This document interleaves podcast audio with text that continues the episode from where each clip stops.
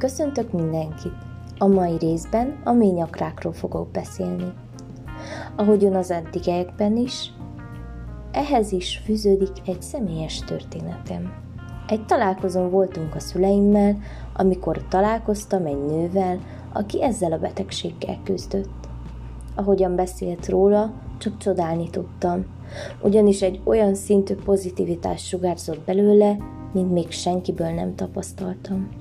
El is mondta, hogy számára ez és az akarat ereje segít a megküzdésben, illetve a rengeteg támogató ember, aki körülveszi. Az ő esetének hatására választottam a ményakrákot, mint harmadik daganatos betegségfajtát. Mi is ez? A ményakrák a mély alsó elkeskenyedő részén kialakuló daganatos betegségként határozható meg. Fontos tudni, hogy ezen betegség hosszú idő alatt alakul ki. Gyakran akár tíz évig is eltarthat. Ez alatt az időszak alatt gyakran panaszmentes a beteg. De akkor mégis hogyan deríthető ki? Ahogyan azt az emlőrák esetében is említettem, itt is fontos szerepet játszik az évente való szűrővizsgálat.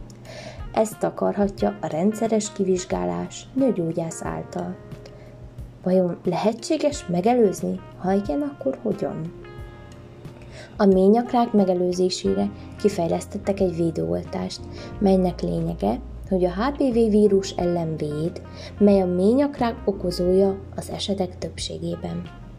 A különböző epigenetikus vizsgálatok során fényderítettek olyan biomarkerekre, melyek szerepet játszanak a ményakrák megelőzésében és kezelésében is. Ilyen biomarkernek számít például a DOC2B, HAND2, PROX1 gének mutálódásai is. Azáltal, hogy ismerjük a különböző epigenetikai változásokat, amelyek összeköthetőek a ményakrák kialakulásával, az orvosok ki tudnak fejleszteni olyan epigenetikus terápiákat, melyek egyénre szabva a génmódosulásoknak megfelelően alkalmazhatók, így a ményakrák kezelése is jóval nagyobb hatékonyságúvá válhat.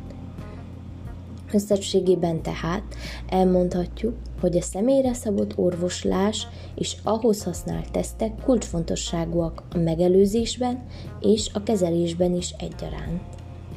A következő részben egy fiatal emberről fogok beszélni, aki leukimiával volt diagnosztizálva.